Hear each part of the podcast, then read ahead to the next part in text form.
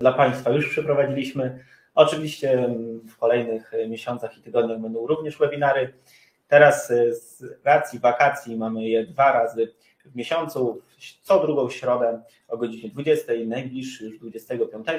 Natomiast to jest, co będzie w przyszłości.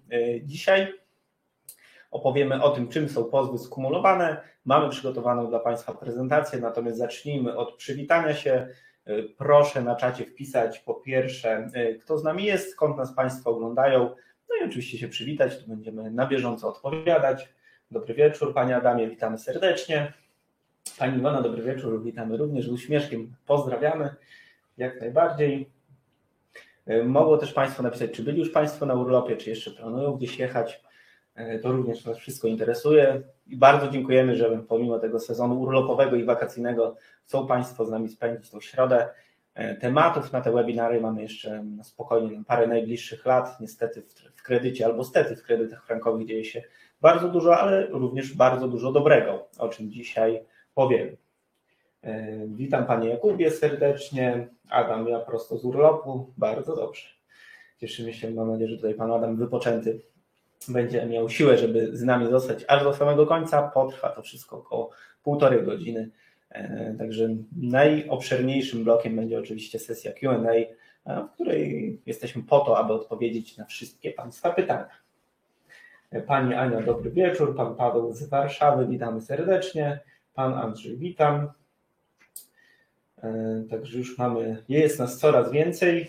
Myślę, że możemy powoli zaczynać. Państwo oczywiście niech zaznaczajcie Państwo swoje obecności na naszym czacie. Moim dzisiejszym gościem jest radca prawny Paweł Wichan. Witaj Pawle. Dzień dobry, dzień dobry Państwu. Bardzo się cieszę, że mogę być z Państwem dzisiaj. Tak, Paweł jest, pracuje w Centrum Prawa Finansowego i Ekonomii, na bieżąco, na bieżąco pomaga Państwu w kreacji wszystkich pozwów, jest ekspertem od spraw frankowych i tutaj ma bardzo dużą i rozległą wiedzę, jeżeli chodzi o wszystkie kwestie związane z pozwami frankowymi, także po to tutaj dzisiaj jesteśmy, aby odpowiedzieć na wszystkie Państwa pytania. Na ekranie pojawiła się już nasza prezentacja. Temat to błyskawiczne pozwy skumulowane, antidotum na frankowy przekręt banków. Faktycznie opowiemy, czym są te pozwy skumulowane, o tych naszych autorskich pozwach skumulowanych, które powstały na podstawie naszej sześcio, naszego sześcioletniego doświadczenia. Opowiemy, czym one tak naprawdę są i oczywiście jakie korzyści wiążą się z tymi pozwami, jakie korzyści wiążą się oczywiście dla Państwa w przypadku zdecydowania się na współpracę i oczywiście złożenia i przygotowania przez nas takiego pozwu skumulowanego. Pani Małgorzata, dobry wieczór, witam serdecznie Pani Małgorzato. Także możemy przejść do planu naszego dzisiejszego webinaru. Będzie on się składał z pięciu sekcji. Po pierwsze, tak jak na samym początku wspomniałem, powiemy czym są pozwy skumulowane. Tutaj daliśmy taki tytuł o zabarwieniu lekko takim zabawnym, rachciach i po kredycie.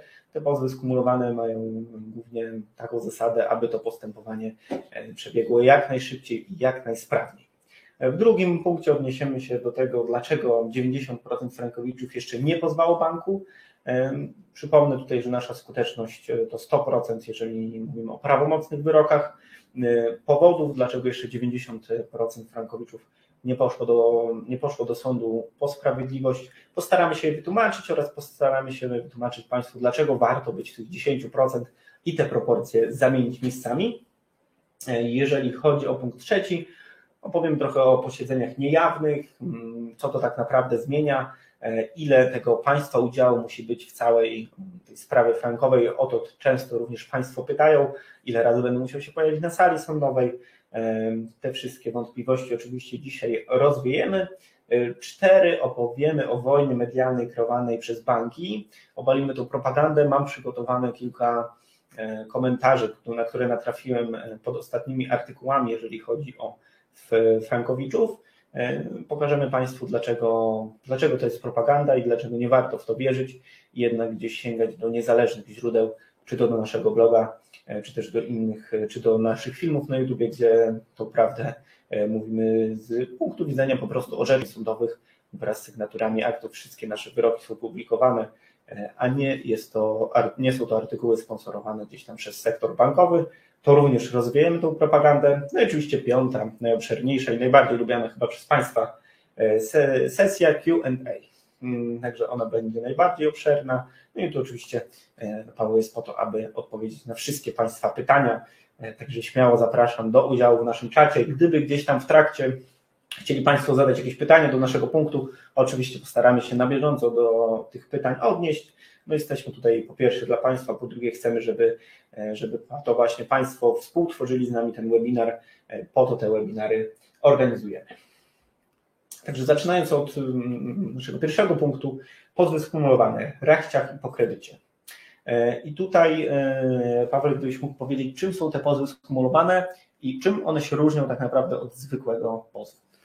Tak, tak naprawdę pozwy skumulowane to nazwa może być trochę enigmatyczna, ale to właśnie wynika z y, ta kumulacja tych, y, tego pozwu wynika z naszego właśnie wieloletniego już doświadczenia w tych sprawach i, i z tego, że możemy dzięki temu wystandaryzować sobie pewne działanie przeciwko sądowi. Oczywiście, tak jak mówimy, każda sprawa jest w pewnym zakresie indywidualna, nie są to sprawy y, automatyczne, więc tutaj Ważne jest, żeby zajął się nimi ktoś, kto ma na ten temat odpowiednią wiedzę i doświadczenie, ale, ale właśnie to, to nasze doświadczenie pozwala nam skumulować właśnie wszystkie nasze twierdzenia w, w tym pozwie i doprowadzić do tego, żeby on był skutecznie E, przeprowadzone przez postępowanie sądowe i też w ramach naszych możliwości, jak, jakie tylko mamy, żeby to e, postępowanie sądowe było jak najsprawniejsze, żeby też ułatwić tak naprawdę sądowi poruszanie się po, po tej naszej sprawie i, i, i potem, żeby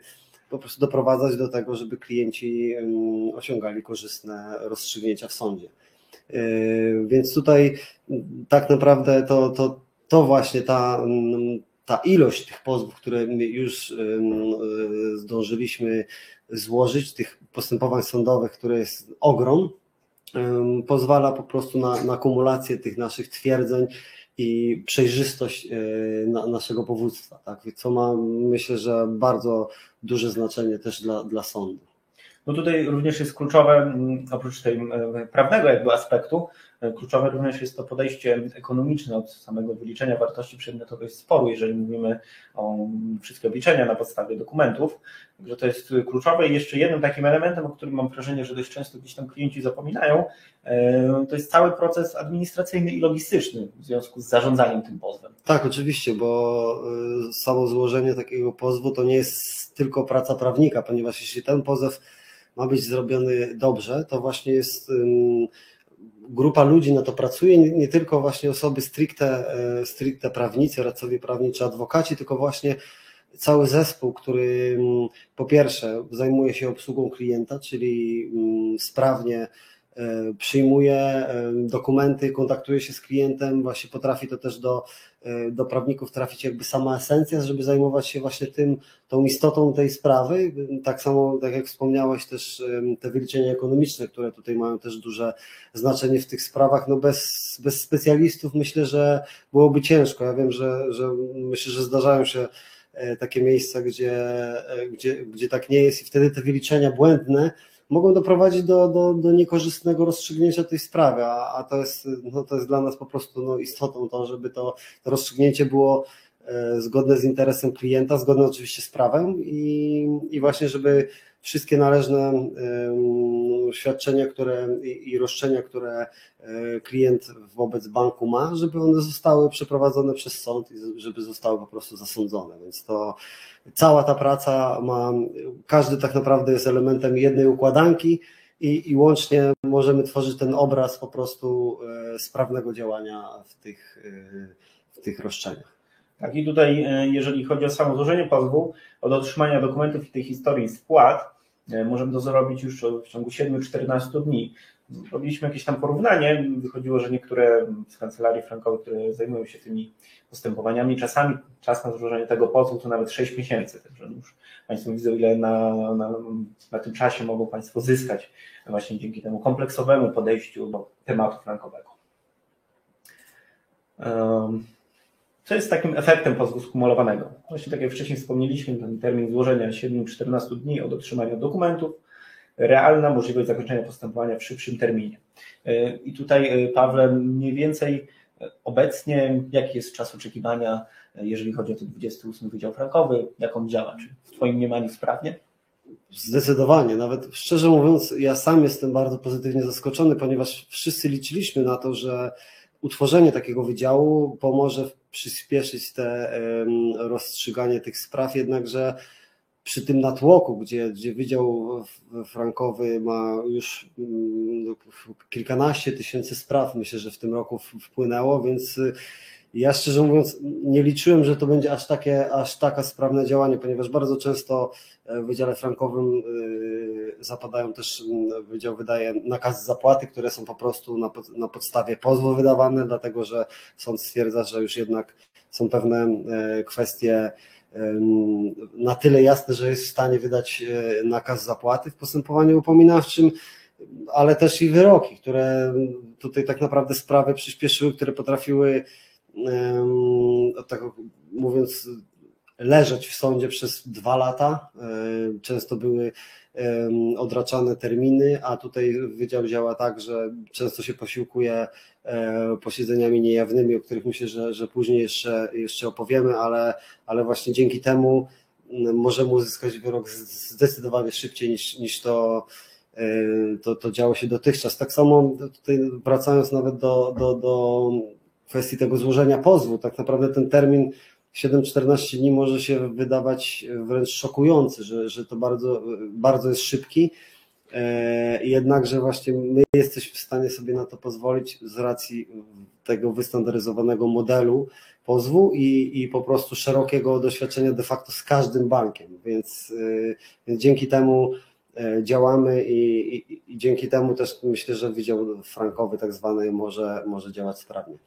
Tak, i to jest wszystko z korzyścią oczywiście dla państwa, no bo te sprawy są prowadzone w państwa interesie.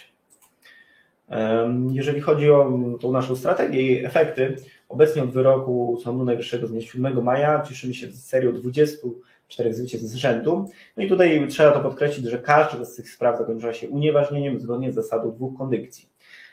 I tutaj, Pawle, faktycznie ten wyrok z 7 maja sprawił to, że teraz sądy już nie mają wątpliwości orzekają najczęściej z tym, zgodnie z teorią kondykcji. Oczywiście, e, w myśl wyroku z 7 maja teoria dwóch kondykcji stała się, nabrała moc e, zasady prawnej, więc teraz sądy już e, tak naprawdę nie mają żadnej wątpliwości. Ta teoria Salda, możemy powiedzieć, że odeszła do lamusa. Już, już tutaj nie spodziewałbym się żadnych wyroków na podstawie teorii Salda. Jeśli tak, to będzie to dla mnie dużym szokiem. No tutaj w naszym tutaj z naszego doświadczenia, jak wspomniałeś, no to to się nie dzieje. Wszystkie są umowy unieważniane na podstawie teorii dwóch kondykcji, kondykcji więc y, no to jest, to jest ten pozytywny y, aspekt tego wyroku i już wcześniej oczywiście, co my wielokrotnie mówiliśmy, tak naprawdę to um, już orzecznictwo się kształtowało i, i jakby my, my, byliśmy cały czas przekonani o tym, że to jest jedyna słuszna koncepcja. Sąd Najwyższy um, to po prostu potwierdził, z czego się bardzo cieszymy. Teraz przechodzimy do tego znaku zapytania i ten znak zapytania jest nie bez kozery taki duży. Dlaczego 90% frankowiczów nie pozwało banku, mimo że wygrywamy wszystkie sprawy? No i tutaj faktycznie ta stuprocentowa skuteczność, jeżeli mówimy o prawomocnych wyrokach. No i obecnie wszystko to, co się dzieje, seria 24 zwycięstw od 7 maja, bo oczywiście tych zwycięstw było więcej e, jeszcze przed tym wyrokiem, e, natomiast teraz widzimy, że to bardzo przyspieszyło. E, a nadal wiele osób się zastanawia, dlaczego tego banku, dlaczego, czy warto pozwać bank, czy nie. No tutaj postaramy się Państwu przedstawić argumenty, które mówią o tym, że oczywiście jak najbardziej warto pozwać bank. Patrząc na obecne orzecznictwo i tą naszą skuteczność, powody są dość tajemnicze. Tak jak wcześniej wspomniałem, no jest to stuprocentowa skuteczność, a nawet jeżeli chodzi o ryzyka finansowe, e, czy wszelkie ryzyka związane z procesem, możemy ograniczyć je do zera. To się dzieje w ramach akcji Polska Wolna od Franka. Tutaj jeszcze do 15 sierpnia jest ta specjalna oferta przygotowana dla Państwa, także zachęcam do kontaktu telefonicznego i mailowego. E, natomiast e, Paweł, jeżeli jakby z Twojej perspektywy, jakie są powody, że ludzie nie chcą tego banku pozwać, nadal się boją? Mi się wydaje, że najważniejszy z tych powodów to jest bardzo szeroko zakrojona e, propaganda e, i lobby banków, które e, tutaj się widać zarówno w wypowiedziach prezesów banków, ale co jeszcze by było zrozumiałe, bo to jest jakby stricte ich interes, ale też w publikacjach prasowych, które tak naprawdę nakręcają takie negatywne emocje w, stosunku do Frankowicza, które są całkowicie bezpodstawne. Ludzie tak naprawdę nie wiedzą, na czym, na czym polegały te, te, te, te kredyty frankowe i ich, ich bezprawność i po prostu wypowiadają się i też mi się wydaje, że to niestety wpływa na, na decyzje niektórych frankowiczów, że um, oni może czują się, czuliby się z tym nie w porządku, czują, że to, że albo że mają dużo przez tą propagandę bankową, o której wspomniałem, że, że, że, że jest duża szansa na, na przegraną, właśnie boją się tych, tych ogromnych instytucji, których banki zawsze są uważane za, za wielkie instytucje, które mają też szereg prawników, którzy mogą doprowadzić do tego, że, że kredytobiorca poniesie jakieś dodatkowe koszty tego, tak, czy, czy stratę, co, co na, na, na naszym przypadku możemy powiedzieć, że no to nie ma po prostu miejsca, jest to, to się bardzo daleko rozmija z prawdą, ta, ta propaganda i, i no, my zachęcamy do tego, żeby po prostu walczyć o swoje prawa, tak? bo są to, są to prawa, nie, jest to, nie są to rzeczy wyssane z palca, są, są potwierdzone tutaj wieloletnim e, doświadczeniem, orzecznictwem szeregu, e, szeregu sądów, więc pozostaje tylko działać. Tutaj jeszcze widzę, że Pan Mikołaj napisał, że świetna jest ta oferta Wasza, polecam wszystkim, także dziękujemy Panie Mikołaju. E, no, również polecamy, ale faktycznie no, no, nasi klienci mówią sami za siebie, tu też zachęcamy do dzisiaj obserwacji naszych referencji. Nabraliśmy kilka z kilkudziesięciu e, referencji, w których wypowiadają się nasi klienci, którzy przekonują, że warto jednak wystąpić na drogę sądową z bankiem. Mówią też o tym wygrani Frankowicze. E, dlaczego warto pozwać bank teraz? Dlaczego teraz to jest najlepszy moment? Po pierwsze, okres wakacyjny. Można wykorzystać urlop innych frankowiczów, e, chociaż tu muszę przyznać szczerze, że ilość zapytań, które Państwo do nas kierują, e, do mnie, do Basi, jest naprawdę duża i nadal mamy pełne ręce roboty. Tych analiz wykonujemy rekordowo dużo. Natomiast część faktycznie z frankowiczów gdzieś tam pojechała na urlopy i jak najbardziej można wykorzystać ten czas i skorzystać z tego okresu wakacyjnego. E, oczywiście jak nadejdzie jesień, wrzesień, e, wyrok 2 września, który zapadnie, o którym również opowiemy, no, spodziewamy się wielkiej fali tych pozwów, no i ten okres e, czekania oczywiście się wydłuży naturalnie. W zeszłym roku, pod koniec roku również mieliśmy taką sytuację, że w pewnym momencie niestety musieliśmy przestać przyjmować nowych klientów. Nie, jesteśmy kancelarią butikową i tutaj specjalistyczną, zajmują się tylko sprawami frankowymi, e, także warto wykorzystać ten okres wakacyjny. E, tak jak wcześniej wspomniałem, złożyć pozew przed jesienną lawiną postępowań w sądach. E, obecnie ta oferta do 15 sierpnia posiada bardzo atrakcyjne finansowanie, o czym tutaj Pan Mikołaj Państwu przypomniał. Im szybciej złożysz pozew, tym szybciej otrzymasz wyrok. Faktycznie jeżeli podejmiemy tą decyzję teraz, jeszcze w tym miesiącu, no to oczywiście, jeżeli byśmy ją podjęli za dwa miesiące, no to mamy dwa miesiące w plecy, tak? Nadal nie podjęta decyzja, e, którą oczywiście możemy odkładać w czasie, natomiast no, patrząc z punktu obecnej skuteczności i obecnego rzecznictwa, no, nie ma to żadnego sensu. Oczekiwanie działa tylko i wyłącznie na niekorzyść. Możemy tę decyzję odsuwać od siebie i akceptować te nieuczciwe warunki e, kredytowe, na jakie nas bank wystawił Natomiast im szybciej złożymy ten pozew, tym szybciej wyrok zostanie otrzymany. E, I kolejny argument to korzystne orzecznictwo TSUE i Sądu Najwyższego. No i tutaj chyba, Pawle, zgodzisz się ze mną, że to orzecznictwo nigdy nie było aż tak korzystne, jak jest teraz. Dokładnie. Wcześniej to my oczywiście zwracaliśmy uwagę na, e, na pozytywne wyroki, które pojawiały się oczywiście i, i, i przed TSUE i przed e, Sądem Najwyższym w Polsce. Jednak teraz już tak naprawdę no to banki ze swojej perspektywy to już nie mają się czego chwytać, tak bym to, to, tak bym to ujął, ponieważ no, to no jest tak naprawdę jednoznaczne to, to orzecznictwo. I, i dlatego e, warto z tego korzystać, warto po prostu dochodzić swoich e, słusznych praw przed, przed sądem, a ten czas no, te, też ma znaczenie, ponieważ no, jeśli mm, po pierwsze odczekamy kilka miesięcy, to, to z jednej strony tracimy to, to, to, kilka miesięcy, ale właśnie z racji tego, że ten napływ jest coraz większy, a w mojej ocenie on będzie jeszcze dalej przyspieszał de facto, to, to po prostu to doprowadzi do tego, że, że ta sprawa niestety może się wydłużyć, nawet mimo tego, że, że Wydział Frankowy działa bardzo sprawnie, więc po prostu um, warto, warto zadziałać i, i im szybciej i, i, korzystać też właśnie z tego korzystnego y, orzecznictwa. Tutaj jeszcze zrykniemy na czat. E, Pani Iwona, mam nadzieję, że starsi klienci też nie stracą, oczywiście, że nie. E, Wojtek, jak wygląda ta oferta promocyjna? Panie Wojtku, tutaj jeżeli chodzi o samą tą ofertę, przedstawimy ją, proszę zadać pytanie na nasz adres mailowy info.życiebezkredytu.pl e, lub uzupełnić nasz formularz kontaktowy na naszej stronie internetowej życiebezkredytu.pl. Tam po prawej stronie ma Pan zakładkę kontakt. Proszę zostawić swoje dane e, i oczywiście zachęcam do kontaktu telefonicznego po naszym webinarze, czy też w dniu jutrzejszym zapraszam e, zadzwonić do mnie, czy do, czy do Basi, opowiemy na czym polega ta oferta, e, już konkretnie pod dany Pana przypadek. Czy tu jeszcze jakieś pytanie się pojawiło? Pani Anna, natomiast na to złożyliście Państwo pozew w moim imieniu 4 listopada 2020, na kiedy według Was można spodziewać się, że sprawa wejdzie na wokantę? No tutaj na to pytanie Pani Anno odpowiemy już indywidualnie po naszym webinarze.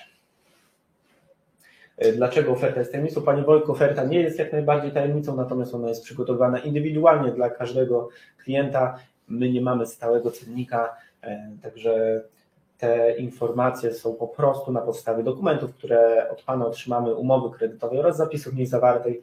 No na ten moment nie jestem w stanie określić dokładnych kosztów oraz przedstawić y, skrupulatnie tej, tej oferty. Czy warto czekać na Sąd Najwyższy do 2 września? Czyli tej sławetnej uchwały, która była trzy razy przekładana, raz przez atak bombowy, E, czy ona w ogóle nadejdzie? Nie wiemy, zobaczymy. Natomiast z naszego punktu widzenia nie warto czekać. Większość pytań znalazło już odpowiedzi w innych orzeczeniach. Ta, to orzeczenie może w ogóle nie nadejść. No i treść tak naprawdę tych odpowiedzi nie ma znaczenia. Umowa posiada wady prawne i to jest fakt, fakt potwierdzony przez prokuratora generalnego, przez rzecznik, e, przez UOKiK. E, także Paweł, czy warto czekać na tę ustawę? Też, na orzeczenie, przepraszam. Też, też uważam, że, że nie warto, ponieważ już y, właśnie też bardzo wiele osób y, wstrzymywało się, no i to, to już trwa, myślę, że niektóre osoby to już po, y, od kilku bądź nawet kilkunastu miesięcy wstrzymują się ze złożeniem pozwu z uwagi właśnie na, na te potencjalne kolejne uchwały, a, a, a, tak jak my mówimy, ja oczywiście nie znam mm, ewentualnej treści tej uchwały, nie wiadomo, tak jak, tak jak wspomniałeś, kiedy, czy ona w ogóle nastąpi, ponieważ to była już kilkukrotnie przekładane było orzeczenie w tej sprawie, a jeśli nawet e, nastąpi, to ja spodziewam się tak naprawdę tylko potwierdzenia tego, co już się, e, już się wydarzyło, już, już Sąd Najwyższy się wypowiadał tak naprawdę o szeregu kwestii.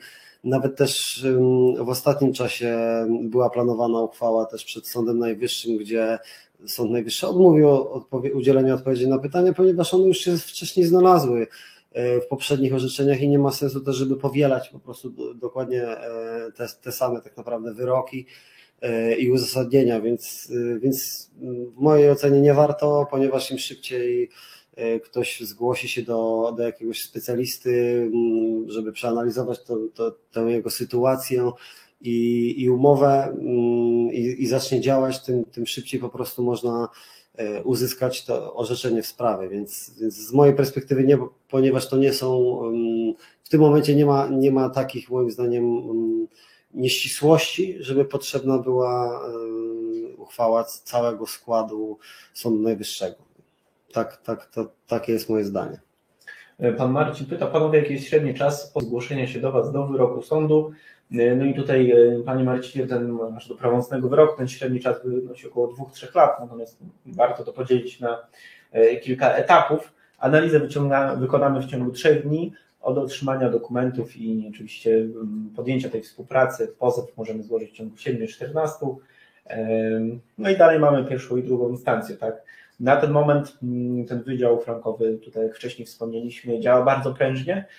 On działa dopiero od 1 kwietnia, także tego czasu jeszcze trochę za mało minęło, żeby powiedzieć, ile realnie możemy skrócić jakby ten czas postępowania, no ale tutaj jak wcześniej właśnie wspomniał Paweł, e, same te nakazy zapłaty, które są wydawane, zabezpieczenia, które są wydawane, które publikują na naszym Facebooku, no to wszystko mówi o tym, że ten czas no, powinien ulec skróceniu. Dokładnie, ponieważ no, dość ciężko jest mówić o, o, średnim tym czasie, bo rzeczywiście on na ten moment wygląda no, około dwóch, trzech lat, ale to też wynika z tego, że jeśli te, pozwy, jeśli te sprawy były trzy lata temu składane do sądu, to wtedy to orzecznictwo było zdecydowanie uboższe. Oczywiście z perspektywy prawników się tym, zajmujących się tym tak profesjonalnie i stricte, to, to już świadomość była od dawna, jak powinno wyglądać orzecznictwo w tych sprawach, jednak sądy też się wstrzymywały. Pierwszą taką, takim pozytywnym punktem był, był wyrok słynny w sprawie państwa Dziubak e, z końca 2019 roku i to właśnie już przyspieszyło. Teraz myślę, że też kolejne z tego roku wyroku, e, wyroki Sądu Najwyższego, które rozwiewają właśnie kolejne wątpliwości, plus utworzenie specjalistycznego wydziału w sądzie okręgowym w Warszawie, który jednak największy, naj, największą ilość, oczywiście to nie jest jedyny sąd, który, który to sprawa jednak zdecydowanie E, największą ilość tych spraw jest właśnie w tym sądzie. I to właśnie, to właśnie sprowadza do tego, że, mm, no, że to mam, mam wrażenie, że będzie się ten, ten średni czas skracał, ale też oczywiście nie jesteśmy, bo też tak naprawdę to też zależy od referatu sędziego, do którego trafi, od tego, jaki akurat natłok spraw będzie miał, więc jest trochę zmiennych. To nie jest takie, że jak czyjaś sprawa trwa dłużej, to coś się złego dzieje, bądź y, czy my nie działamy, ponieważ no po prostu sądy są strasznie, e, można by powiedzieć, zakorkowane e, tymi sprawami, więc, więc też trzeba czasem się uzbroić w cierpliwość. Można oczekiwać, że każda sprawa się zakończy w pół roku na przykład, ale, ale też myślę, że to raczej będzie szło w krótszy czas, poniżej dwóch lat nawet. Myślę, że pierwsza instancja to, to na pewno powinno już, już teraz poniżej dwóch lat trwać. Ja też tu zawsze staram się Państwu tłumaczyć w trakcie rozmów, że sam czas trwania tego postępowania nie jest tak bardzo kluczowy. Liczy się głównie efekt, jaki to postępowanie za sobą będzie niosło. Kredyty są udzielane często w większości, w 90% na 20-30 lat. Spłacało je państwo od kilkunastu lat. Jeżeli ten wyrok będzie trwał 3 lata, 3,5 roku, no jakby nie ma to samego znaczenia. Kluczowe jest, aby tę umowę unieważnić i uwolnić się od tego kredytu frankowego to, czy ten wyrok, oczywiście wiadomo, wszyscy chcielibyśmy, aby te wyroki trwały jak najszybciej, no tu sprawa jest e, z punktu prawnego, z prawnego punktu widzenia jest oczywiście e, jasna i, i mają Państwo rację, byli Państwo po prostu pokrzywdzeni nieuczciwą umową kredytową, natomiast my musimy też zaakceptować to, jak obecnie działają sądy, jak ten cały system prawny działa e, i tutaj, czy ten wyrok będzie trwał dwa lata, czy trzy, nie ma znaczenia, ważne, żeby tą umowę unieważnić i uwolnić się od tego kredytu raz na zawsze. E, pan e, Michał ma dwa pytania. Pierwsze pytanie. Spłaciłem kredyt w miesiącu, czy pozew nadal ma sens? Oczywiście, bo to spłata kredytu nie, nie pozbawia klienta roszczeń. Tak naprawdę to wtedy już jest. E, oczywiście klient jest uwolniony od tego kredytu na, na ten moment, że go nie musi spłacać, jednak roszczenie, jeśli ta umowa była bezprawna, a jeśli to był kredyt frankowy, to mogę z bardzo dużym prawdopodobieństwem powiedzieć, że była, to, to dalej warto, warto zwrócić się do specjalisty i ocenić sytuację, oczywiście jak to wyglądało, ale to nie pozbawia e, Pana pańskich roszczeń. E, I tu jeszcze jest drugie pytanie. Millennium zadzwoniło do mnie i chcą mi przewalotować pozostałą część do spłaty po kursie 3,20. Lepiej do sądu czy brać co dają? No i tutaj y, muszę powiedzieć, bo dostaję ostatnimi czasy masę telefonów od klientów właśnie Millennium.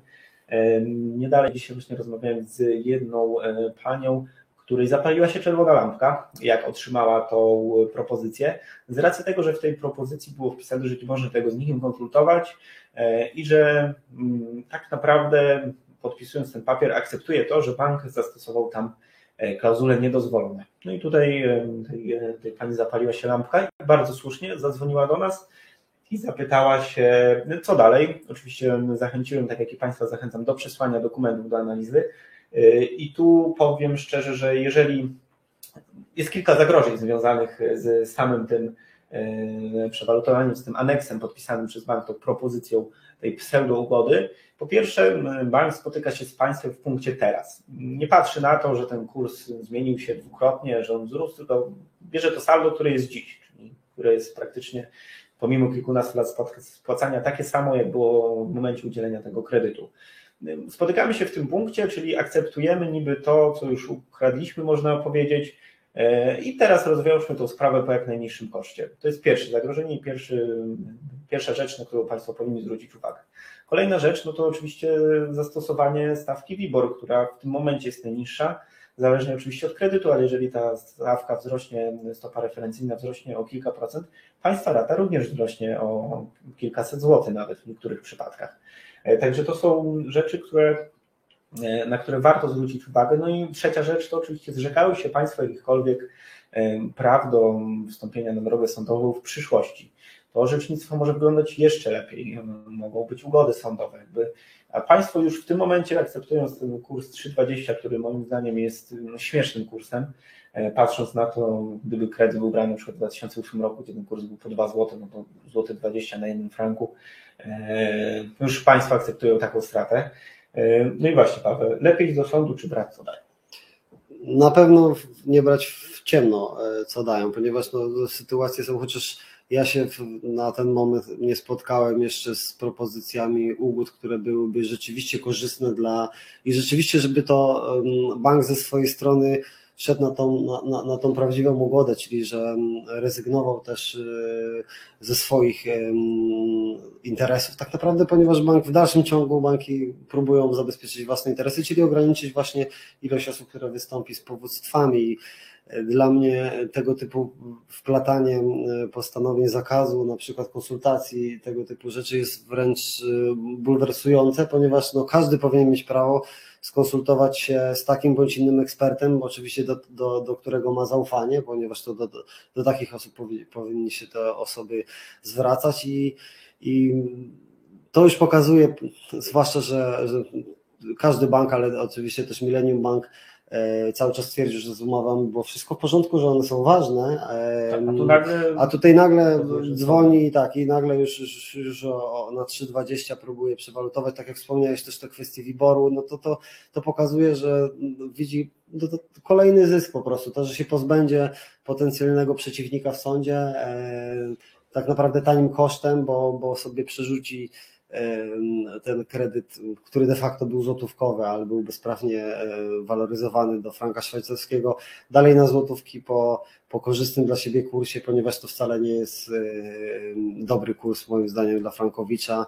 Może, nie wiem, czy może kilka jakichś przypadków strasznie wyjątkowych będzie, żeby to, żeby to było korzystne, chociaż ciężko mi jest sobie wyobrazić, a, a na, na pewno zdecydowanie trzeba tego typu e, propozycje konsultować, ponieważ e, tam różne rzeczy właśnie w tych ugodach bank może zawrzeć i, i to no nie spodziewałbym się, że bank, który e, wprowadził do obrotu umowy, które są ab initio nieważne z mocy prawa, żeby nagle teraz miał wykazywać się szlachetnością, który przez lata twierdził, że wszystko było w porządku, to nagle by się chciał wykazywać szlachetnością i, i pomagać tym pokrzywdzonym ludziom. To, no niestety to smutno trochę jest konstatacja, ale no niestety na to bym nie liczył. I tu jeszcze kolejne, co widziałem w tych ugodach, to jest oczywiście terminowość. Mają Państwo bardzo ograniczony czas, gdzie ta ugoda jest tu i teraz, proszę ją natychmiast podpisać, bo za trzy dni ona się skończy. Także to są kolejne argumenty, które mówią o tym, że, że warto, e, warto chociażby przesłać umowę do analizy i zobaczyć, co można zyskać idąc, do, idąc po prostu do sądu. E, pan Michał również pyta, nie jestem w stanie przyjechać do Polski z kilku względów. Czy jesteście Państwo w stanie prowadzić sprawę zdalnie? E, tak, jak najbardziej jesteśmy w pełni przygotowani, czy do, do konsultacji, e, czy do prowadzenia tych spraw zdalnie. Mamy klientów rozsianych praktycznie po całym świecie, także Panie Michale zapraszam do przesłania tych dokumentów. Oczywiście wszystkim się zajmiemy i powiem również nieco później o tych rozprawach niejawnych, które po części odpowiem na to Pana pytanie. Dalej, czy warto czekać na Sąd Najwyższy, bo tutaj trochę dygresją polecieliśmy, ale słuszną jak najbardziej. E, to pytanie, Panie Marcinie, było jak najbardziej zasadne e, i będziemy to bardzo głośno powtarzać, e, bo teraz to, co robi Bank Millennium, no, naszym, z naszego punktu widzenia jest po prostu no, niedorzeczne i niedopuszczalne. Nie jest wykluczone, że przynajmniej co do części zagadnień SN odmówi podjęcia uchwały, tak jak w sprawie o aktu 3 CZP 41 na 20, to o czym wspomnieliśmy. W tej właśnie w przypadku tej uchwały sąd powiedział, tak jak tu Paweł wspomniał, że no, w sumie to już odpowiedzieliśmy na te pytania, nie ma sensu odpowiadać na nie dalej. W przypadku tego, tego orzeczenia również może taki, taki, taka sytuacja się zdarzyć. Pytania zadane przez sędzię Manowską się zdezaktualizowały, bo były zadane bardzo dawno, dawno temu i w międzyczasie Sąd Najwyższy rozstrzygnął o najistotniejszych kwestiach. No i tutaj Sąd Najwyższy w pisemnym uzasadnieniu uchwały siódemkowej właściwie załatwił kwestię, o której pytała sędzia Manowska. Także no, kolejne argumenty, które mówią o tym, że nie warto czekać do tego 2 września, może się okazać, że tak naprawdę nie mają Państwo na co czekać, bo, ten, bo to orzeczenie nigdy, ta uchwała nigdy nie zapadnie. E, sąd rozpatruje sprawę na posiedzeniu niejawnym bez Twojego udziału. Tutaj jest to takie enigmatyczne zdanie, natomiast oczywiście powiemy dokładnie, czym to posiedzenie niejawne jest, bo jest to e, od niedawna. E, na czym tak naprawdę to posiedzenie niejawne polega? Tak, to jest posiedzenie niejawne, wprowadzone zostało mm, nowelizacją tutaj związaną też z ustawami covidowymi właśnie, żeby sąd mógł rozpatrywać, nie, nie przeprowadzając rozprawy z udziałem, ale z bezpośrednim udziałem e, tutaj osób. I to właśnie też wynika tak naprawdę to, że w tych sprawach te posiedzenia niejawne się odbywają, wynika z tego właśnie, że to orzecznictwo już jest e, tak naprawdę, można powiedzieć, jednolite, ponieważ sąd może, może rozpatrzeć, nie musi oczywiście, ale może na, na posiedzeniu niejawnym kiedy widzi, że tak naprawdę nie potrzebuje zeznań świadków bądź, e, bądź przesłuchania stron. W sprawie, żeby, żeby rozeznać się, czy jak e, rozstrzygnąć tę, tę sprawę i wtedy, wtedy oczywiście sąd zarządza wymianę pism procesowych jeszcze między, między stronami, żeby takie ostateczne stanowisko e, w sprawie przedstawić. Jeśli właśnie ono będzie, będą te stanowiska jasne, to, to właśnie wydaje wyrok bez, bez przesłuchiwania świadków, ponieważ tak naprawdę to też ci świadkowie to najczęściej powoływani byli przez, przez bank i one, oni byli tak naprawdę to, to powielały tak naprawdę często stanowisko E, banku. To często były osoby, które w ogóle nie miały żadnej, żadnej styczności z tym danym kredytobiorcą, a tak naprawdę tylko wtedy to może mieć jakikolwiek sens, bo tylko wtedy taka osoba może powiedzieć, czy informowała o ryzyku, w jaki sposób przebiegał proces udzielania kredytu. Nawet jeśli sąd uważa, że takie, takie zeznania właśnie są potrzebne e, świadka, no to, to też właśnie tak naprawdę teraz jest to normą, że E, że te zeznania odbywają się na piśmie, czyli że strony, każda ze stron wysyła do sądu swoją listę pytań, które sąd przesyła do, do danego świadka z zobowiązaniem do, do złożenia odpowiedzi i to nam to w mojej ocenie jest bardzo, bardzo um, przyspiesza właśnie cały proces, dlatego że to właśnie odraczanie, odraczanie rozpraw. No wiadomo, że sędzia jest jeden, ma w referacie tysiąc spraw nawet, więc jeśli musi przeprowadzić w każdej sprawie rozprawę jedną, bądź dwie, bądź trzy, to niestety jak ją odracza, to to trwa, to odracza na za pół roku, czasem na za rok się e, zdarzało, a właśnie na przykład odraczał, ponieważ świadek się nie stawi, nie mógł przyjechać, nie chciał przyjechać, przedstawi jakieś zwolnienie lekarskie, i wtedy, wtedy się robił problem. My mieliśmy kolejny rok e, tak naprawdę pustego oczekiwania, bo w tym czasie się w sprawie mogło nic nie dziać. A, I tak naprawdę my z perspektywy pełnomocnika nie mieliśmy na to żadnego wpływu, bo to, to nie wynikało z naszej bezczynności albo i nawet z bezczynności sądu, ponieważ sąd też musiał zaczekać, aż ta sprawa będzie i odebrać te zeznania. A teraz e, po prostu przesyła je pisemnie, to wtedy nawet jak osoba by nie mogłaby przyjechać do sądu, a wysłać list y, myślę, że każdy może, więc, więc to bardzo upraszcza postępowanie.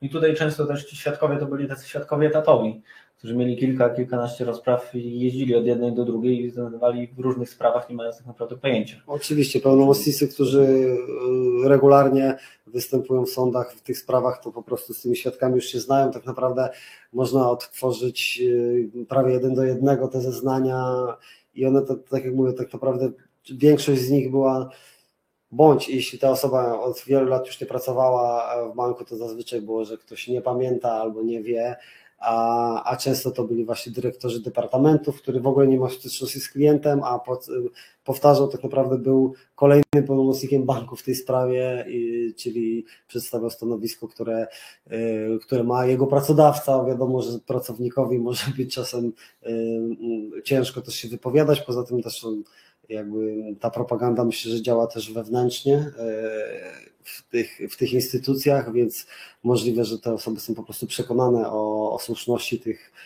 e, tych de facto bezprawnych umów i, i działań. Teraz świadkowie już nie muszą jeździć, wystarczy, że zrobią kopię w klej i prześlą takie pismo. E, jeżeli chodzi o. A, no również działamy na podstawie pełnomocnictwa, tak? Czyli tutaj udzielają nam Państwo pełnomocnictwa, my jesteśmy pełnomocnikiem, no już wszystkie kwestie e, też procesowe są po naszej stronie, także Państwa wkład jakby czasowy w proces no jest minimalny i tutaj oczywiście na bieżąco informujemy, co się z Państwa tymi sprawami dzieje. I tutaj e, Chciałem też zahaczyć pytania od dwóch pań, które dopytywały, co w przypadku ich spraw. No, no na ten moment nie jestem w stanie tego sprawdzić, ale proszę oczywiście po naszym webinarze dodać te pytania. I tutaj wszystko odpowiemy, wszystkie kwestie jak najbardziej e, poruszymy. E, sprawdźmy, co dzieje się również na naszym czacie. E, pan Łukasz pyta, czy jeśli przeszedłem na spłatę rat we franku po jakimś czasie, aby uciec od spreadu banku Millennium, to czy to dyskwalifikuje mnie walce z bankiem w przypadku umów z niedozwolonymi klauzulami?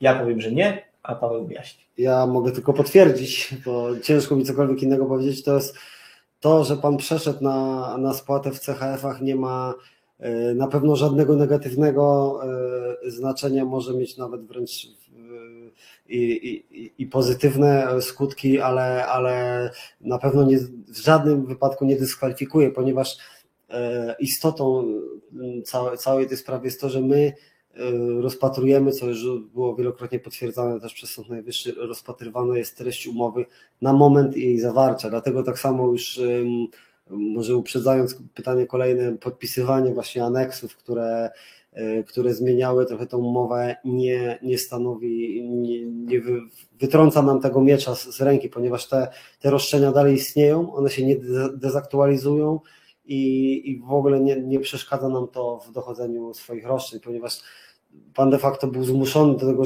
żeby spłacać tego, tego franka szwajcarskiego i oczywiście i, i, I tak naprawdę to nie zmienia tego, że ta umowa zawierała e, istotne błędy i sprzeczności z prawem.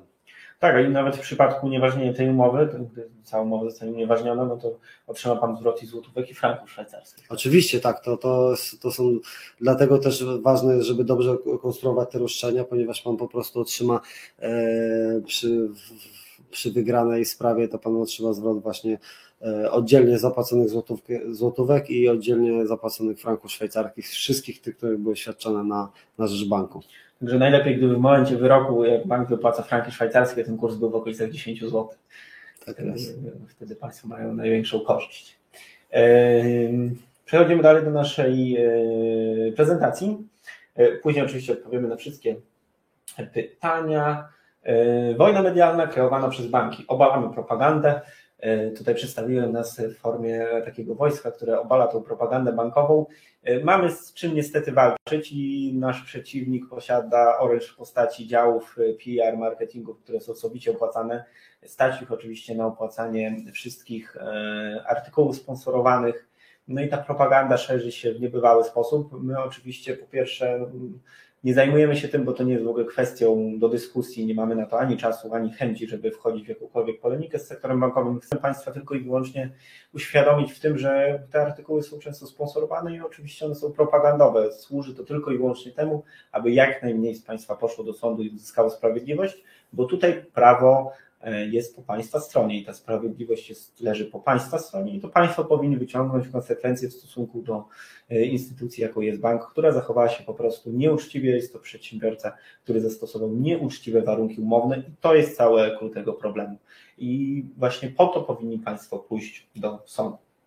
Tutaj wybrałem również e, kilka z przykładów z ostatnich artykułów, przeglądając wczoraj parę postów gdzieś tam na Facebooku, E, czy to z Money.pl, czy z Business Insidera, czy z Gazety.pl, wybrałem e, kilka z takich e, artykułów, z takich komentarzy, które przytoczę ten przykłady hejtu. E, czyli mogę wziąć kredyt, olać jego spłatę, potem iść na układ z bankiem, który idzie mi na rękę, znowu bank olać, potem przegrać w sądzie i liczyć na to, że ministerstwo też mnie broni przed spłatą długu. E, elegancko, po co inni spłacają kredyty, ale frajerzy mm, złe zainwestowali, więc mogą stracić jak każdy inwestor. I tutaj z tym się nie mogę zgodzić, bo kredyt ten to nie była inwestycja, to było tylko i wyłącznie potrzeba zawarcia zwykłe potrzeba spełnienia zwykłej, zwykłego chęci mieszkania gdzieś, co jest naturalną potrzebą każdej osoby i na pewnym etapie taka potrzeba po prostu nadchodzi. To, że te osoby poszły, kredytobiorcy poszli do banku, nagle się okazało, że nie mają zdolności w złotówkach, bo w 90% tak to było przedstawiane i wiem to dokładnie z rozmów z klientami, którzy chcieli kredyt w złotówkach, natomiast nagle magicznie tej zdolności nie mieli. Niektórzy pomimo naprawdę wysokich e, dochodów E, takiej zdolności nie mieli i tutaj e, nikt z tych osób nie był inwestorem, tylko chciał spełnić zwykłą potrzebę mieszkania gdzieś, była to zwykła potrzeba konsumencka. No i coś niesamowitego, że wpadasz w długi i możesz stracić dom, nie swój dom. No tutaj e, nawet nie skomentuję tego poziomu tego, tego komentarza. Proszę zwrócić jeszcze uwagę na ilość tych lajków. No oczywiście to wprawia Frankowiczów, mam wrażenie, w takie no, poczucie winy ma ich wpędzić, no, że to jest jakby ich wina, że poszli do banku i ich oszukali, gdzie tak naprawdę, no nie wiem, tak jakbyśmy poszli do sklepu, kupili coś, nagle się okazało, że towar nie jest zgodny e, z naszą umową, z tym, co myśleliśmy. No, czy to jest moja wina? No właśnie, to jest ta analogia, wydaje mi się, dobra, że albo zepsuje się komuś telewizor i ktoś dostanie po roku, e, bo producent stwierdzi, że nie opłaca się go naprawiać, więc odda mu nowy, to ktoś miał pretensje do niego, że on tego nowego nie dostał, bo jego się nie zepsuł. No jest to, oczywiście te analogie nigdy nie będą na tyle akuratne, bo to są bardzo specyficzne sprawy. No ja, ja tak naprawdę nie wyobrażam sobie, żeby ktoś kupował mieszkanie 12 e, lat temu z założeniem takim, że pewnie coś się wydarzy i, i, i, i pewnie on na tym zyska. To to tak naprawdę to nie, nie była inwestycja, tylko tak jak mówisz, to było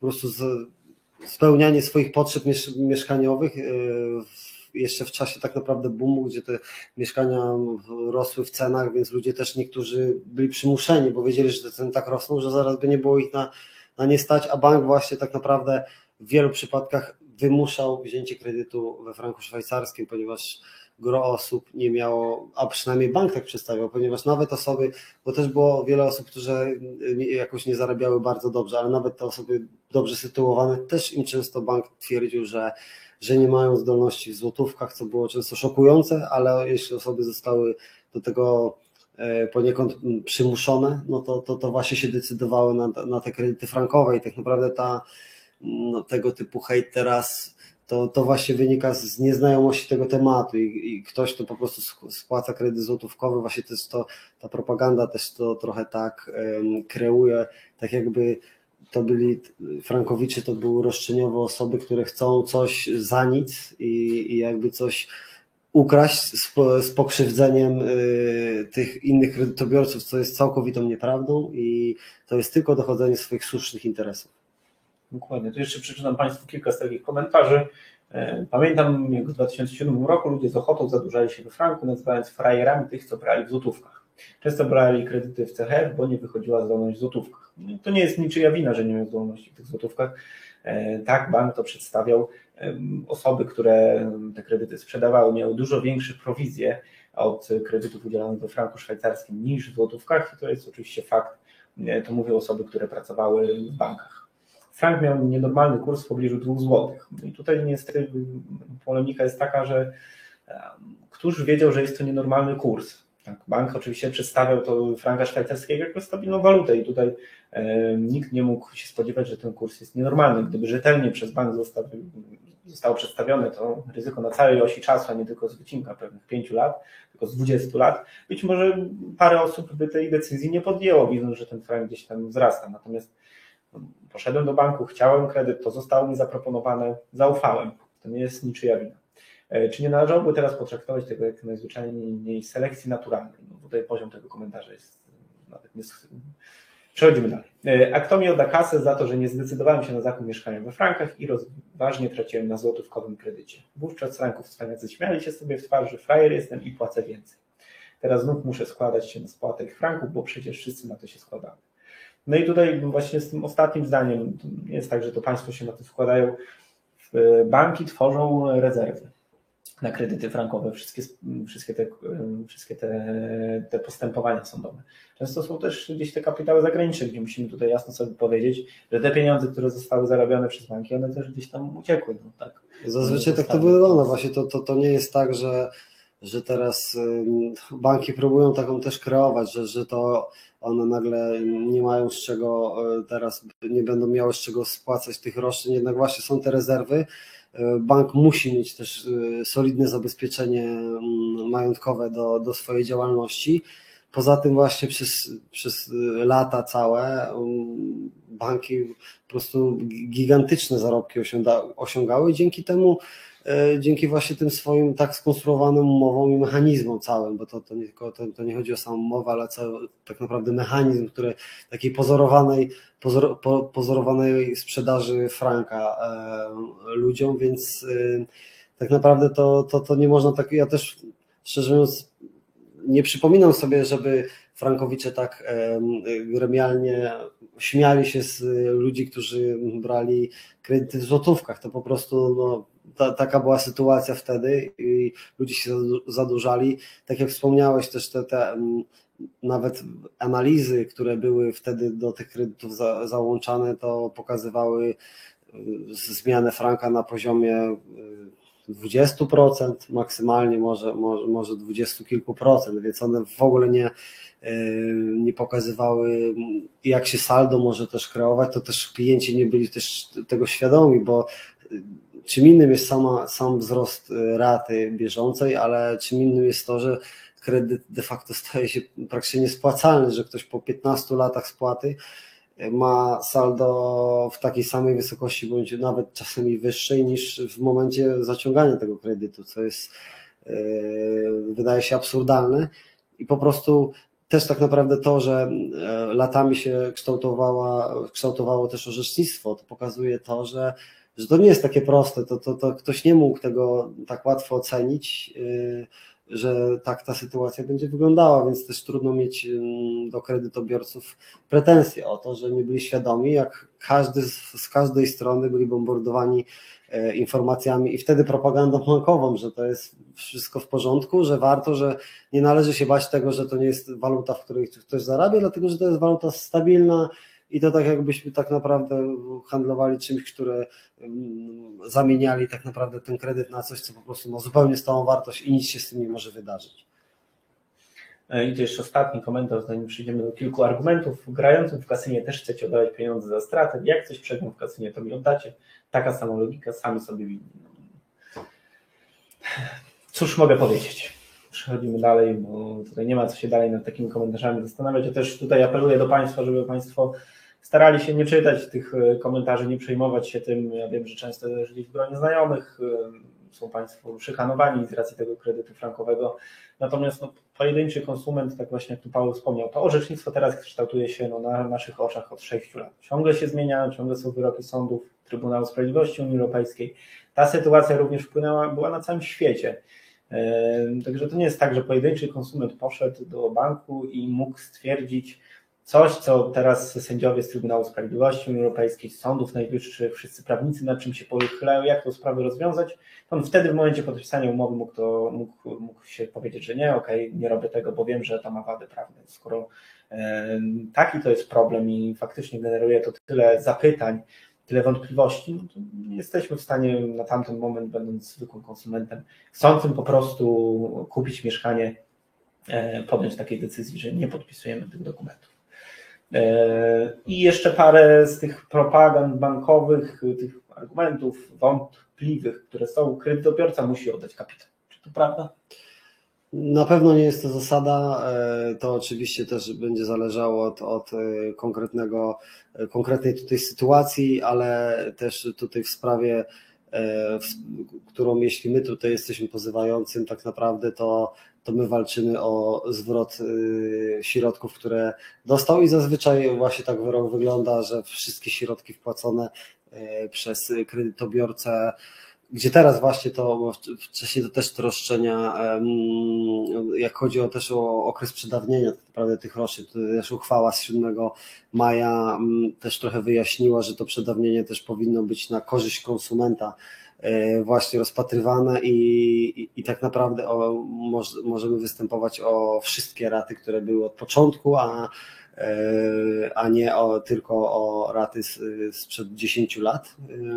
I nawet jeśli ktoś na ten moment już ma sprawę w sądzie, to oczywiście też e, są rozszerzane te powództwa o te kolejne właśnie raty spłacone, więc, e, więc nie, nie jest to zasada i, i, i to jest kolejny, kolejny element taki, który bank kreuje po prostu, że to na pewno się stanie i tak naprawdę z automatu, dlatego też ta zasada dwóch kondycji, która też już jest usankcjonowana przez wyroki Sądu Najwyższego i to już, już dwa, w tym jeden o mocy zasady prawnej.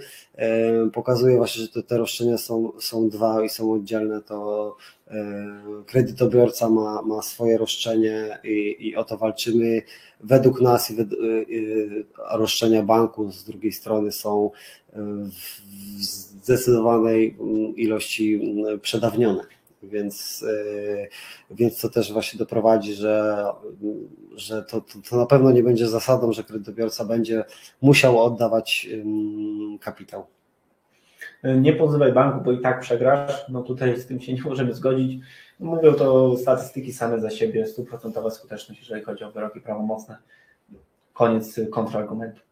Z umowami jest wszystko w porządku. No nie jest, nie jest to tylko nasze stanowisko, jest to stanowisko wielokrotnie powtarzane przez wszystkie instytucje y, finansowe, rzeczników finansowych, prokuratora generalnego, Sądu Najwyższy, Trybunał Sprawiedliwości Europejskiej.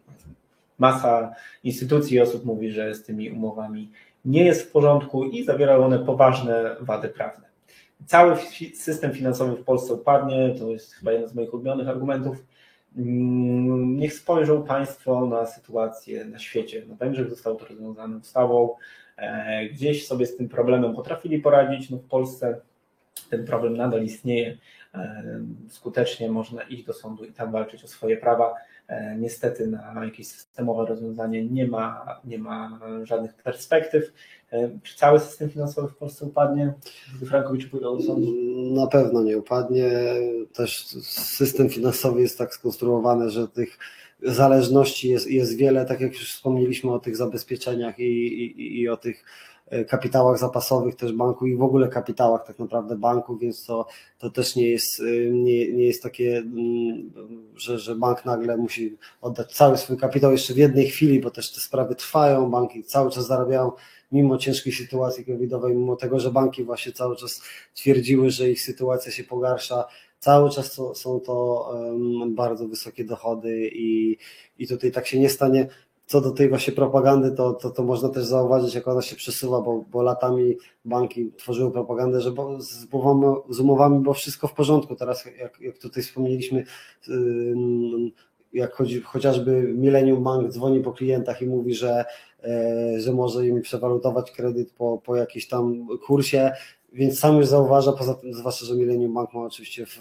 klauzule swoje wpisane w, jako, jako klauzule abuzywne w rejestrze, więc, więc jakby tutaj nie powinno być co do tego e, żadnych wątpliwości, więc to się trochę teraz przesuwa. Teraz jest właśnie e, tworzona taka takie myślenie w, w myśl banków, że, że system finansowy upadnie lub że banki będą skutecznie też właśnie pozywać o, o bezpodstawne korzystanie z kapitału. Co... Właśnie są takie wyroki w ogóle?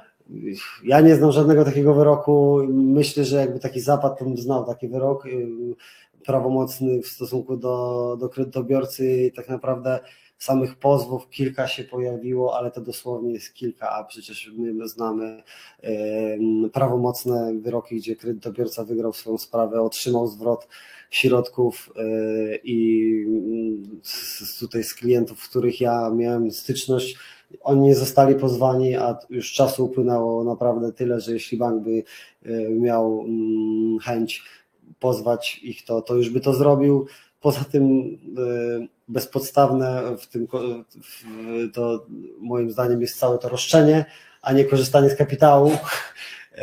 I poza tym też tak naprawdę to jeśli by do czegoś takiego dochodziło, to w takim razie perspektywy, z naszej perspektywy, to w takim razie też kredytobiorca mógł, po, powinien móc pozwać bank o korzystanie z jego kapitału, ponieważ on świadczył e, okresowo też te raty w każdym miesiącu przez 10-15 lat, więc, więc ale ja się nie spodziewam, żeby, żeby tego typu wyroki mm, na rzecz banków zapadały sk- skutecznie.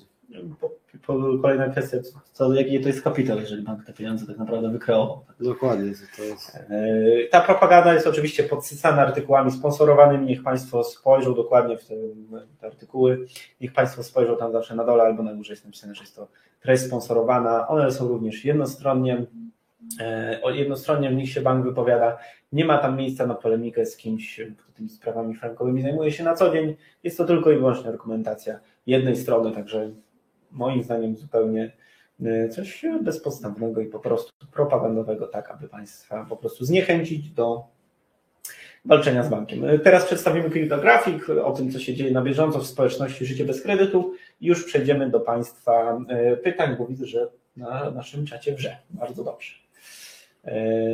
Fakty. Tu jeszcze jeden slajd e, a propos tego, co się dzieje z tą propagandą. Przejdziemy sprawnie. Unieważnienie zgodnie z zasadą dwóch kondycji to najczęściej spotykany scenariusz. Tak, około 86 ponad procent w tym momencie to są e, to dokładnie ten scenariusz, jeżeli mówimy o wygranych sprawach. 98 kredytobiorców wygrywa z bankiem, to taka ogólna statystyka. Umowy zawierają wady prawne, a orzecznictwo jest ugruntowane i nigdy nie było tak korzystne dla frankowiczów, jak jest obecnie. Frankowiczu nie da się zmanipulować propagandzie bankowej. Prawo, i tutaj będziemy to zawsze podkreślać i stać na tym stanowisku, prawo jest po Państwa stronie, to bank zachował się nieuczciwie i to bank powinien ponieść sankcje i konsekwencje swojego nieuczciwego zachowania. Jest to przedsiębiorca, który Państwa wpędził po prostu w nieuczciwą umowę kredytową e, i takie konsekwencje powinien e, oczywiście ponieść. Mm, Po to, żeby odstraszyć innych przedsiębiorców, aby takie sytuacje w przyszłości zupełnie nie miały miejsca. E, No bo rodzi to oczywiście patologię. E, Kolejna grafika, nie ma wygranej, nie ma opłat, no success, no fee. E, Faktycznie teraz e, do, w ramach akcji Polska Wolna od Franka, w tej ofercie, o której Państwu wspominałem, do 15 sierpnia istnieje możliwość ograniczenia wszystkich ryzyk związanych z pozwaniem banków w przypadku całkowitego oddalenia tego powództwa. O tym, tak jak wcześniej wspomniałem, będziemy indywidualnie rozmawiać podczas konsultacji, e, czy to konsultacji, które mogą Państwo zarezerwować na naszej stronie, czy też telefonicznie u mnie lub przez naszą stronę internetową, e, przez naszą skrzynkę mailową, przepraszam, info.życiebezkredytu.pl. Mm, Dodatkowo mm, właśnie działamy już od 6 lat, obsługujemy ponad 1200 postępowań sądowych, pomogliśmy już 5 tysiącom uwikłanych w nieuczciwe kredyty. No i tutaj jest, e, jest nasz e, zespół, niecały, bo ten zespół stale się rozrasta, a łączna wartość wszystkich roszczeń w sądach to już ponad miliard złotych, także te zera robią wrażenie. Mamy nadzieję, że oczywiście te roszczenia będą jeszcze wyższe i że Państwo będą pozywać te banki jeszcze więcej niezasadnie pobranych od Państwa pieniędzy. E, Dodatkowo tutaj mamy również informacje a propos zakupu książki Kamila Fiedosika Droga do życia bez kredytu. Zachęcamy.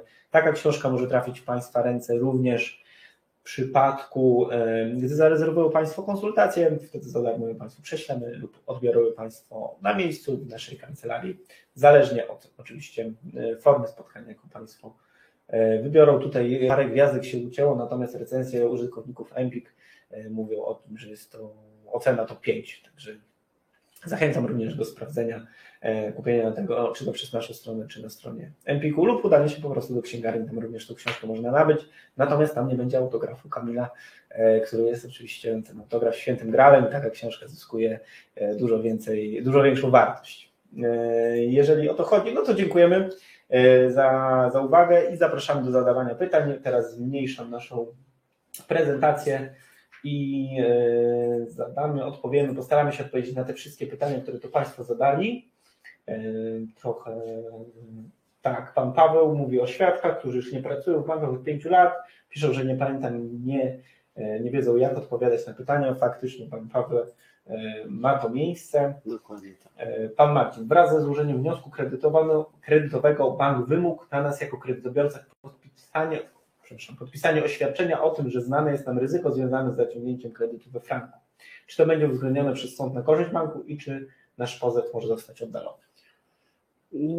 Znaczy, tak, czy pozew może zostać oddalony? To, to, to jest pytanie oczywiście zawsze jest 50% szans, tak albo nie, ale, ale oczywiście to jest to tak w formie żartu.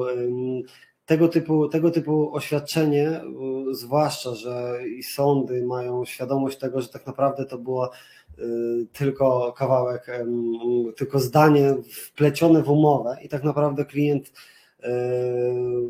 ja się nie wiem, czy się spotkałem z takim klientem, który, który by powiedział, że naprawdę był rzetelnie poinformowany o tych ryzykach.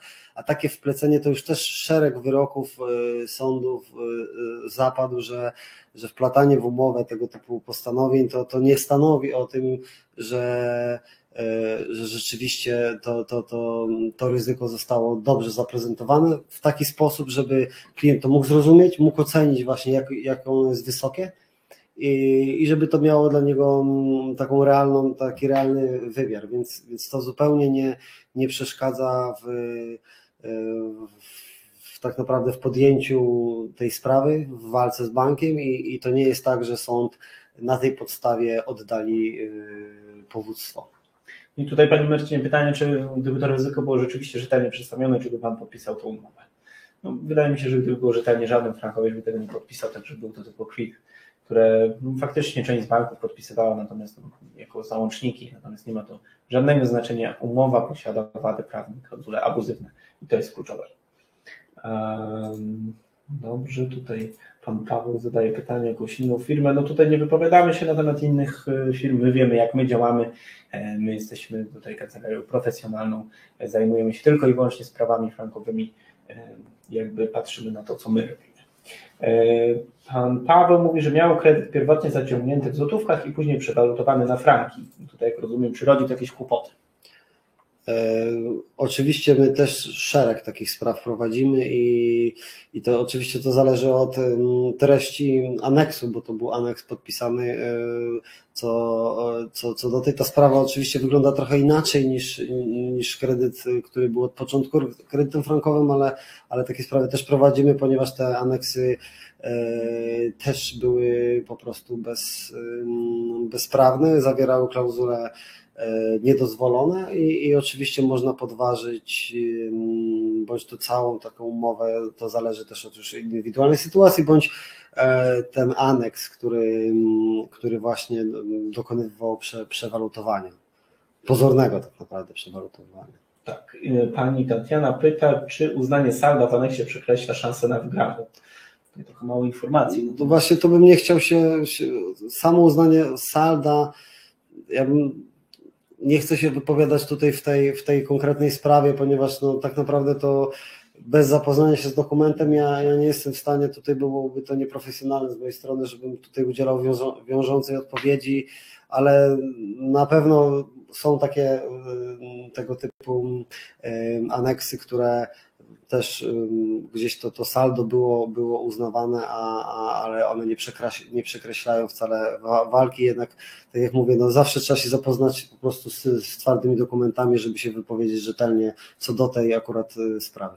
Tak, i tutaj kluczowy jest ten indywidualny charakter i dlatego prosimy Państwa o przesłuchanie pełnych dokumentów, umowy kredytowej, y, które, w której są indywidualne zapisy pod już Państwa dany przypadek, w której są aneksy. My to wszystko analizujemy i na podstawie tego Dobieramy oczywiście strategię i ofertę dla Państwa, przygotowujemy bez znajomości, bez pełnej znajomości całej dokumentacji, więc tam ciężko powiedzieć e, o konkretnym, konkretny przypadek i konkretne rozwiązanie. Trzeba to po prostu przeanalizować, dlatego wykonujemy tę analizę. To jest bardzo, bardzo proste. E, Pani Katarzyna, jeżeli w trakcie trwania sprawy kredytobiorca umrze, to jaki dalej będzie miał przebieg sprawy? Czy spadkobierca będzie miał możliwość dalszego prowadzenia sporu sądowego z bankiem? No tutaj tak naprawdę, jeśli spór już, spór już jest zawisły w sądzie, to też kredytobiorcy będą mogli te roszczenia, które, które były, e, były rozpoczęte tak naprawdę, to, to będą mogły te, te, te sprawy dalej, dalej prowadzić. Tutaj też oczywiście są indywidualne czynniki mogą tutaj grać rolę, więc zawsze warto się E, dopytać, jednak też jest ważne, że po prostu, że ta sprawa już była, to to roszczenie już było sformułowane, już było przed, przed sądem, wtedy, wtedy ono jest jakby e, może o tyle wchodzić w skład masy spadkowej, bo po prostu już zostało zmaterializowane przed sądem, ona po prostu ta sprawa tylko trwała, więc bo jeśli się nie zdecydujemy na, na jej wniesienie, wtedy, wtedy tutaj to to już nie jest tak naprawdę to, to, to będziemy pozbawieni tak naprawdę tych, tych roszczeń. Tak naprawdę, jeśli oczywiście to też zależy od indywidualnych spraw, więc ale, ale tak ogólnie to, to, to mógłbym odpowiedzieć na to pytanie. E, tutaj jeszcze pan Przemysław pyta o wynajem mieszkania. To jest pytanie, które bardzo często się, się pojawia. Jeżeli chodzi o sam wynajem, no to tutaj on co do zasady nie przekreśla skuteczności postępowania sądowego, natomiast no, również tu niestety musimy udzielić tej odpowiedzi, tylko niech Państwo nie myślą w jakikolwiek sposób, że jest to odpowiedź wymijająca, to po prostu zależy od indywidualnego charakteru. No, co do zasady, jeżeli mieszkanie było kupowane na potrzeby konsumenckie i spełniało te potrzeby konsumenckie, no to nie będą Państwo uznani e, za przedsiębiorcę. Każdy z tych przypadków jest indywidualny i warto do niego indywidualnie podejść. Natomiast no, sam wynajem zazwyczaj nie przeszkadza w skuteczności postępowania. Najważniejszy, tutaj myślę, że warto zaznaczyć, że najważniejszy jest cel e, zaciągnięcia tego kredytu w momencie jego zaciągania, bo to, co się później tak. działo, to, to już jest po prostu, jeśli ten, ten cel był taki stricte, jeśli ktoś mm, dokonywał zakupu stricte pod doprowadzenie działalności gospodarczej w formie wynajmu mieszkań, czyli kupił na przykład ich kilka, od początku były wynajmowane, wtedy, wtedy rzeczywiście mm, może być trudniej w sensie o tyle, że, że ktoś może być pozbawiony po prostu ochrony praw przysługujących konsumentom, co nie znaczy, że nie może występować przeciwko e, bankowi, ale sam wynajem w trakcie posiadania tego mieszkania to tego nie przekreśli, bo liczy się ten cel na moment zawarcia umowy, e, no bo to państwo tak naprawdę byli też właścicielami później tego mieszkania, więc to nie jest też tak, że tak samo jak ktoś sprzedał już to mieszkanie, no to też go nie pozbawia tych roszczeń w stosunku do banku, więc, więc tutaj e, warto, warto tutaj działać. Tak, a w ogóle jeszcze, że czasami część z osób, które do mnie dzwonią, mówią, że zaczęły wynajmować to mieszkanie, bo ta rata była tak wysoka, że już nie dało się po prostu w tym mieszkaniu mieszkać. Musieli się gdzieś wyprowadzić, czy to do rodziny, czy gdziekolwiek indziej. I przez to ten, przez sam fakt zaciągnięcia tego kredytu we franku szwajcarskim byli zmuszeni do tego, żeby to mieszkanie wynająć. Także no tutaj oczywiście również nie wyklucza to w żaden, w żaden sposób skuteczności postępowania sądowego. E, pan Paweł, ja mam wyższe saldo do zaciągniętego kredytu. No niestety, no, panie Pawle. Tak wspominaliśmy. Niestety tak się też dzieje, co jest. E, no myślę, że tu nawiązując do tych komentarzy negatywnych, myślę, że jednak jak ktoś e, zaciągał w złotówkach, to, to, to właśnie nie jest tak, że po 15 latach spłacania często raty, która na początku mogła wynosić 2000 zł, później 4000 zł i, i człowiek wykrwawiając się de facto to, to, to właśnie spłacał te raty, później się okazuje, że i tak to saldo jest wyższe niż, niż było na początku. Więc... Tak, no to jest um, tragiczna sytuacja, pomimo tej spłacania regularnie tego kredytu w większości przypadków, no mają Państwo więcej do spłaty e, niż e, było tego kredytu zaciągniętego. E ja w umowie nie miałam napisane, że będę musiała spłacać franki. Było napisane, że bank sobie przeliczy złotówki na franki, ale nie było jasne, po co bank to sobie przeliczy i jaki to ma wpływ na mnie. No Pani Anno, zgodzę się jak najbardziej, nie jest Pani jedyna, co jest e, większy w każdym przypadku. Tego kredytu było dokładnie tak samo, co więcej, banki nawet tych franków nie miały. No dokładnie, to, to był często po prostu e, przeważnie e, pieniądz kreowany, ponieważ nikt, żaden e, kredytobiorca tutaj frankowych, z którymi tutaj, do których my się kierujemy, e, nigdy franka szwajcarskiego nie widział na oczy, a przynajmniej tego, który rzekomo bank mu sprzedał, więc e, Pani Anna jeszcze dodaje, w zasadzie nigdzie było napisane, że mam dług jako całość we frankach. Rozumiałem, że mam spłacać z przeliczeniem na franki, ale nie, że kredyt jest we frankach. Bo nie mógł być. Podobno banku nie wolno było dawać kredytu we frankach. Prawo bankowe tego zabraniało. No i faktycznie no, sam fakt spłacania tego, że ta rata odwołuje się do franka bez poinformowania, że to saldo również się do niego odwołuje, jest, jest kluczowy. E, pani Anna również pyta, a jak wygląda przedawnienie ze strony banków?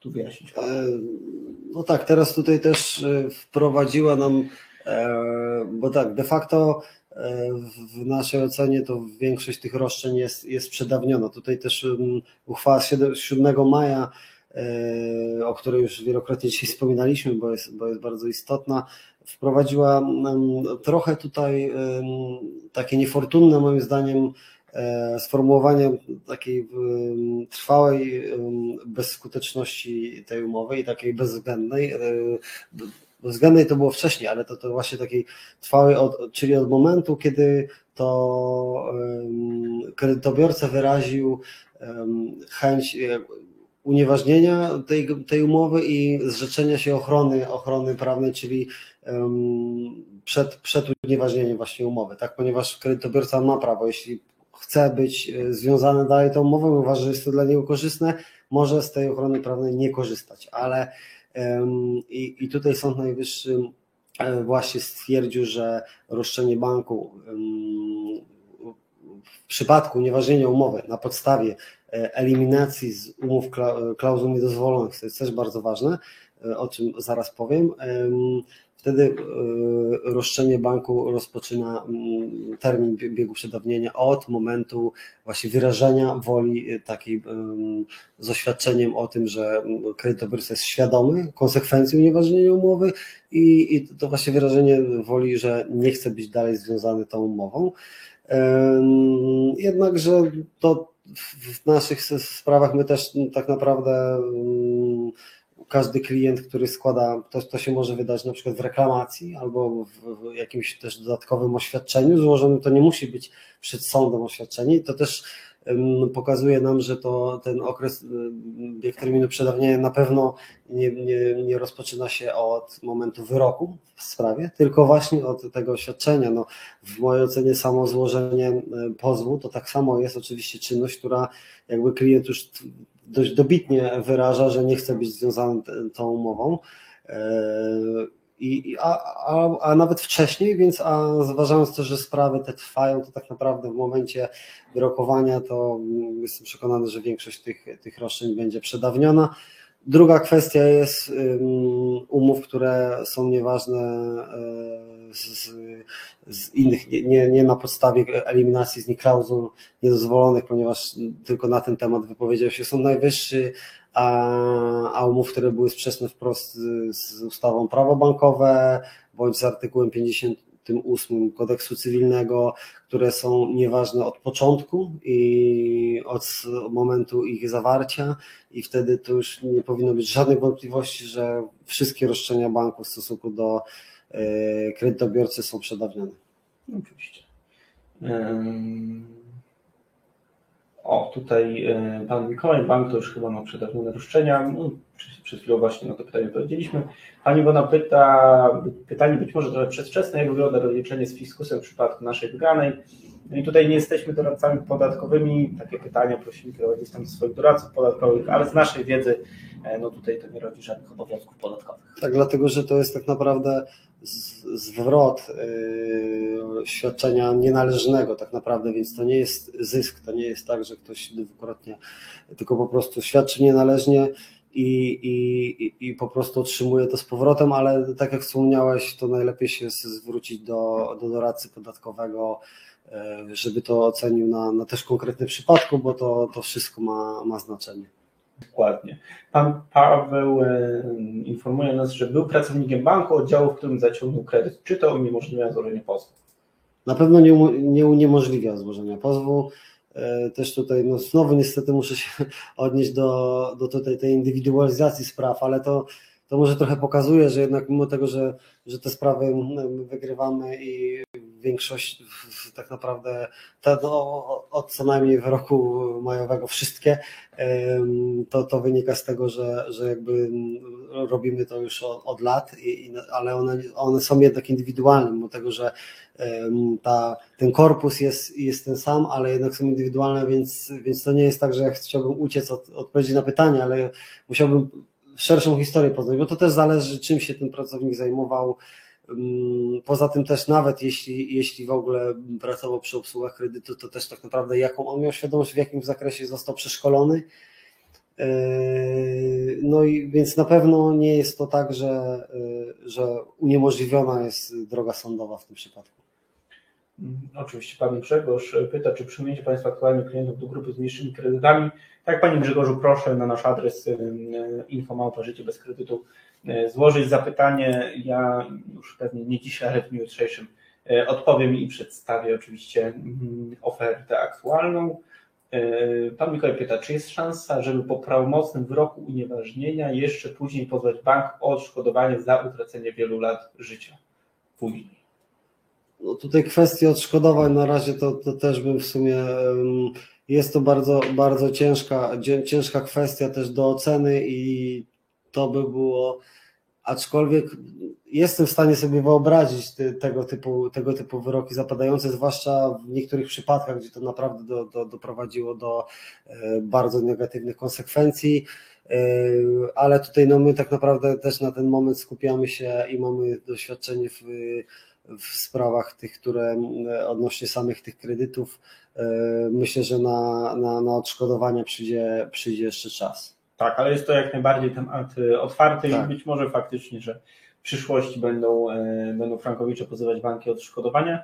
I z mojej perspektywy słusznie, bo niektóre z tych historii, które Państwo przedstawiają, no, są po prostu tragiczne i te kredyty w bardzo negatywny sposób wpłynęły na Państwa życie, często doprowadzały do rozpadu rodziny, też dużo większych, e, większych tragedii, o których nawet nie chcę wspominać, także być może w przyszłości jak najbardziej takie pozwy będą miały miejsce po prostu będą realne e, i faktycznie to odszkodowanie od banku będzie można uzyskać. E, pan Piotr, czy spłacanie kredytu, czy, od, przepraszam, czy spłacanie kredytu od jakiegoś czasu we frankach zmienia coś w kwestii roszczeń?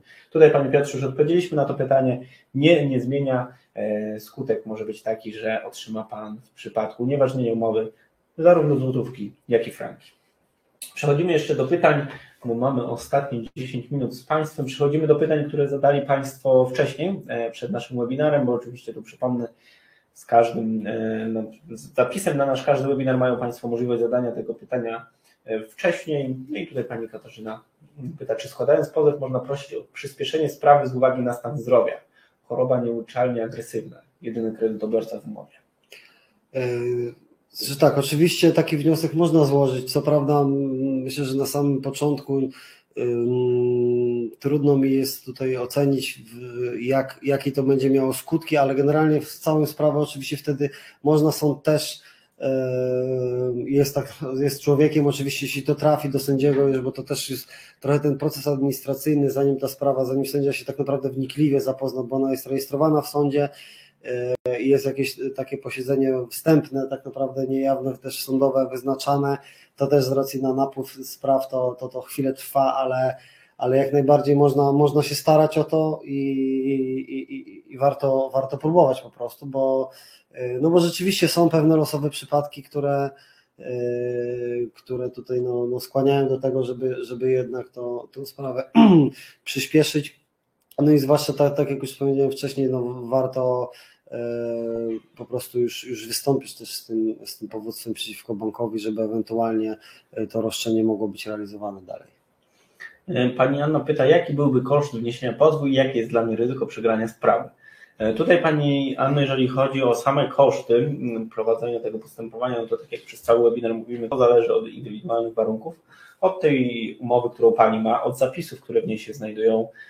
Na całą naszą analizę składa się kilkanaście parametrów, E, przekazujemy w tej analizie również, co z Pani umową jest nie tak, pokażemy, które klauzule są abuzywne i niedozwolone, które znajdują się w Pani umowie. Pokażemy przykłady, na podstawie których wyroki zapadały orzekające na korzyść kredytobiorców. E, na ten moment praktycznie wykonaliśmy kilka tysięcy tych analiz.